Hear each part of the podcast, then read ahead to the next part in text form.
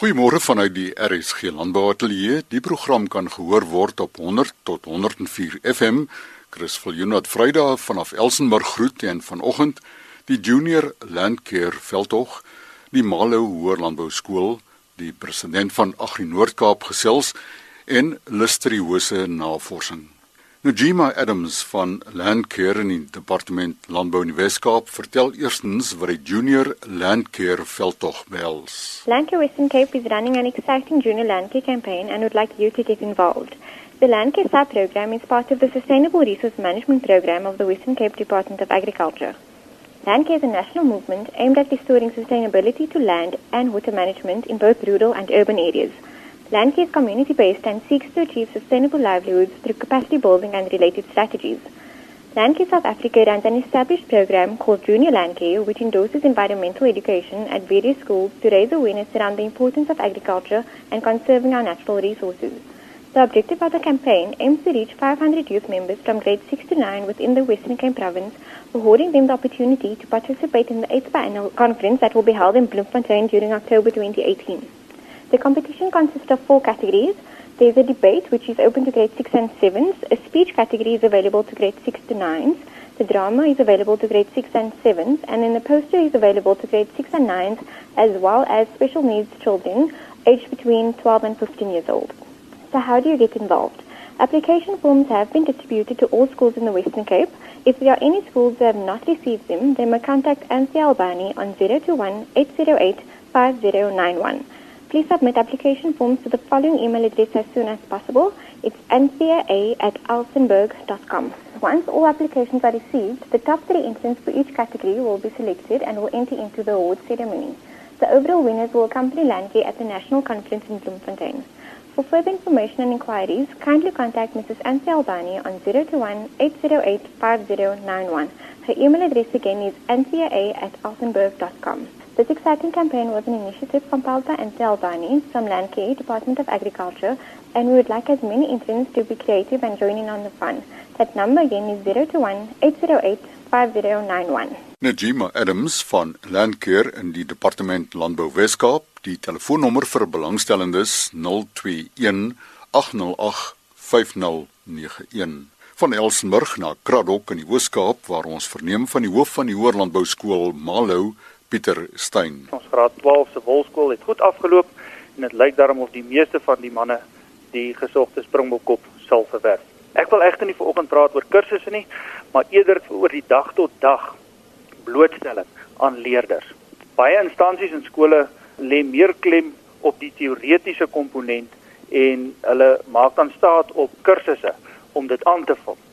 Dit is vir ons by Malo egter belangrik dat ons eerder die seuns dag tot dag blootstelling aan landbouaktiwiteite sal gee. Nou die rede hiervoor is omdat die persepsie bestaan dat die die leerders wat 'n landbouskool kies baie maal plaaskinders is. Maar die realiteit is dat ons leerders egter baie van stede en van dorpe afkomstig is en weinig landbouagtergrond het. Ons begin dus reeds in graad 8 en 9 om hierdie leerders blootstelling te gee. Daar is ongelukkig geen formele program wat deur die departement voorgeskryf word nie en daarom moet ons 'n ander plan maak tussen die akademiese verpligtinge van die skool. Ons doen dit met een periode teorie en dan ook drie spanwerk sessies in die middag. En vir die graad 10 tot 12 het ons dan ook die departementele kurrikulum en dan ook die die drie spanwerk. Nou hoe die spanwerk sessies werk is dis 'n uur lank en is op 'n maandag, 'n dinsdag en 'n donderdag. Nou die seuns is dan tydens hierdie sessies is hulle doenig op die plaas en uh dit is daar ook belangrik dat die aktiwiteite van die plaas, die skool se aktiwiteite moet ondersteun. Nou Malo boerdery is 'n volledige ekonomiese boerdery, maar om die akademiese program te ondersteun, is daar natuurlik ook 'n klompie demonstratiewe afdelings soos beeste, varke en pluimvee. Die probleem wat landbouskole in die Oos-Kaap egter huidigelik ondervind is om hierdie program aan die gang te hou. Ek het die verlede keer wat ek gepraat het, het ek genoem van die fokusskole en uh, dit is ongelukkig so dat ons huidigelik ons status as fokusskole verloor en dit beteken dat ons poste voorsien ook heelwat laer is en dat ons met minder onderwysers oor die weg moet kom beteken dan dat spanwerk in die middag hê baie moeilik word en dat die onderwysers ongelukkig baie oorlaai word. Pieter Steyn is hoof van die Hoërlandbou skool Malou en die skool se telefoonnommer 048 881 3121 en beste wense ook vir die kleiner getal onderwysers wat oorlaai word. Nou al die pad tot Calvinia op die plaas Vondelingsfontein in die Roggeveld boer die president van Agri Noord-Kaap, Henk van Wyk. Die situasie by ons in Noord-Kaap is nie baie rooskleurig nie. Die besproeiingsgebiede kom ons vat eers die waar dit goed gaan. Dit gaan goed. Die water in die Noord-Kaap en die Vaal en Oranje rivierstelsels is genoeg. Die ouens het goeie oeste afgehaal. Ek het verstaan hier is eentjies is rekordoes. Hulle die beste klimaatstoestande in jare gehad, feitelik geen reën tydens die oes nie. Maar ons vier gebiede wes van van daar gaan dit nie goed nie. Dit is bitter droog. Ons gaan die 4de jaar in. Ons boere se se moraal is laag. Ons het nie meer geld nie. Die kontantvloei is tot nie. Maar ons kry goeie skenkings. Ek was nou 14 dae terug by Graan. Dis 'n jaarvergadering waar ek ons persoonlik ook dankie sê vir hulle bydrae om, om vir ons hoop te gee. Dit is nie genoeg nie. Maar dit maak 'n verskil. Dit het 'n wesenlike verskil gemaak aan boere want elke sak wat jy geskenk gekry het was was iets wat jy nie hoef by jou plaaslike landboubesigheid te koop nie. Net dit vers, verskil gemaak in jou kontantvloei as baie onsekerhede binne landbou soek in die Noord-Kaap die politieke onsekerheid. Jy weet die, die storie van grondonteeneming sonder vergoeding. Ons is ons planne aan die maak. Ons het verlede week by die grondontwikkelingskomitee heel dag daaraan geskenk. Ons het goeie toeligting gekry van buitestanders En die kruks van die saak is net daar is 'n klomp grond gehervorm, privaat ook gehervorm. Hoekom nou skielik die populistiese druk op boere sit om om te onteien sonder vergoeding? My uitgangspunt is dit wat dan nou onteien gaan word of hervorm word, daar moet privaat eiendomsreg by wees. Privaat eiendomsreg, want dis ek vir myself privaat eiendomsreg op eis. Dan moet hierdie nuwe begunstigdes hierdie programme van die regering ook private eiendomsreg hê. En van daar moet die mark vry loop neem. As hy eendag eiendomsreg gehad het en hy produseer nie, dan moet hierdie grond kan terugkom in die openbare domein waar die gewillige koper hom dan kan weer in besit neem en produseer. Wat vir ons verblydend is, is die president se se voorwaardes van voedselsekuriteit wat nie moet benadeel word of beïnvloed word nie en die mark wat nie mag versteur word nie. Maar tot tyd en wyl sal ons boere moet hou, ons sal deelneem aan hierdie proses want Suid-Afrika, daar was ongeregtighede in die verlede wat moet reggestel word, maar ek dink die mark self kan 'n groot bydrae hiertoe lewer om hierdie regstellings te doen. Chris, dis moeilike omstandighede vir ons. Groot onsekerheid, klimatologies en polities. Maar die boere probeer die hoë morele grond handhaaf die hele tyd. Ons gaan nie vir, vir mekaar sê en beskuldig van goed wat verkeerd is, maar ons gaan hierdie goed deurpraat tot bevrediging van almal in die beste uitkoms vir die land. Henk van Wyk is president van Agri Noord-Kaap. Lusteriose, wat is die pad vorentoe? Professor Pieter Gous van die Departement Voedselwetenskap aan die Universiteit van Stellenbosch is ook vanaf begin hierdie maand die fisiedekaan leer en onderrig in die fakulteit agriwetenskappe. Ja, die organisme Listeria monocytogenes uh, kom algemeen in Suid-Afrika voor. Uh, dit is 'n omgewingsbakterie wat voorkom in verskeie voedselprodukte as ook verrotte plantmateriaal. Dit kan ook in die in in waterstelsels voorkom soos water wat gebruik word vir besproeiingsdoeleindes. Die organisme vorm graag biofilms in 'n voedselfabriek en dit is dus moontlik dat uh, ander produkte ook gekontamineer kan word met listeria.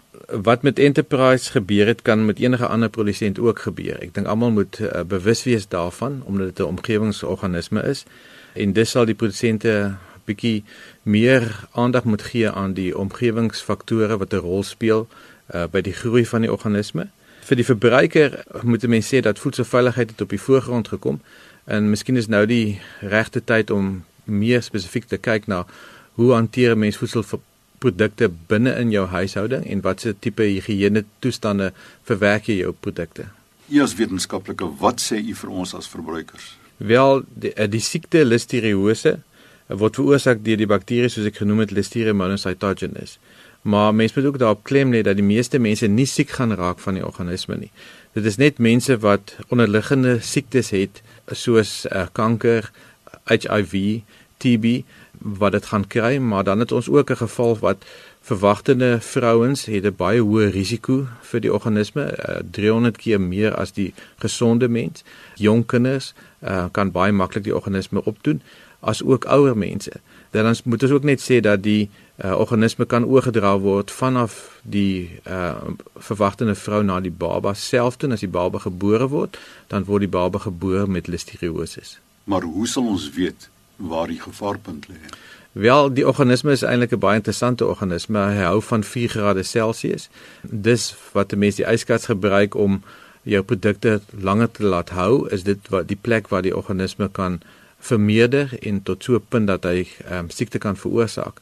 Ehm um, so mense moet uitkyk na die tipe bestuur wat jy doen binne 'n yskas en dat jy jou vleisprodukte weghou van ander produkte wat gereed is om te eet sonder dat jy enige behandeling daarna toepas, soos byvoorbeeld om te kook. Dis uh, 'n uh, kookproses van hoër as 72 grade Celsius vir langer as 2 minute sal die organisme ook doodmaak. En wat sê u vir die produsent? Die produsent moet nou definitief baie meer aandag gee aan die uh, listeria binne in 'n fabriek uh, en om seker te maak dat die organisme nie begin biofuels vorm binne in 'n fabriek nie uh, en bietjie meer uh, analises doen van die omgewing om te verseker dat die organisme nie in die fabriek voorkom nie. Ek wil terugkom na wat u heel in die begin gesê het dat die bakterie Listeria was al van tevore teenwoordig in Suid-Afrika. Ek is bewus dat u al 3 PhD studente laat werk het op hierdie probleem. Ja, dit is reg. Ons het nou al 'n hele paar ehm um, nagraadse studente wat op die produkte werk. Ehm um, dis net baie interessant om te sien dat in uh 2015 was daar 'n geval wat gedokumenteer is uh hier in die Weskaap wat drie mense doodgegaan het uh van die organisme ook die spesifieke uh ST6 strain soos wat die meeste na verwys word op die oomblik. Ehm um, so hy is wel reeds in 2015 in die Weskaap gevind. Nee, ek dink ehm um, almal sal moet uh, op die uitkyk wees ehm um, vir die organisme. Ek dink die bron van die organisme is maar binne in 'n voedselfabriek, maar hoe hy daar ingekom het is is is 'n ander vraag.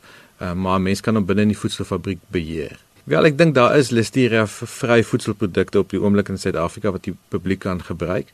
Uh, dit sal afhang van die uh industrie en hoe goed hulle dan hulle veiligheids- en kwaliteitsbeheerstelsels gaan toepas, gemoniteer kan word en effektief die prosesse was om die fabrieke skoon te maak. Het navorsing op hierdie gebied nou 'n vlak geklim? Wel ek dink ons is al lankal besig uh, om met die organisme op 'n ander vlak te bestudeer, veral na die meganismes hoe hy weerstandbindend raak teen sekere middels wat gebruik word in die industrie om uh, van die organisme ontslae te raak.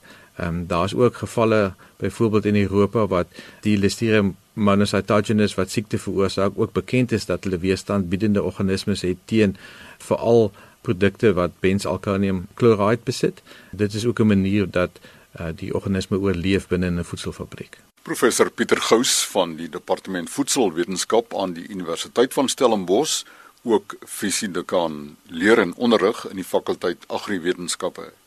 Dan môreoggend om kwart voor 12 in RSG Landbou die omvang van besproeide landbou in terme van area en waterverbruik in Suid-Afrika. Die grootste deel van Suid-Afrika, omtrent 65% van die land, kry nie genoeg reën om droëlandproduksie te ondersteun nie. So as mens daaraan dink in terme van voedselproduksie, dan is dit uiters belangrik om te besproei om daai um, waterbronne aan te vul. So die belangrikheid daarvan dan is as 'n mens um, besproeide water het, wil jy dit optimaal um, gebruik en jy wil daai area optimaal um, benut. Die verslag word binnekort voorgelê aan die Waternavorsingskommissie. Vanoggend se program kan weer gehoor word op die Elsenburg se web www.elsenburg.com.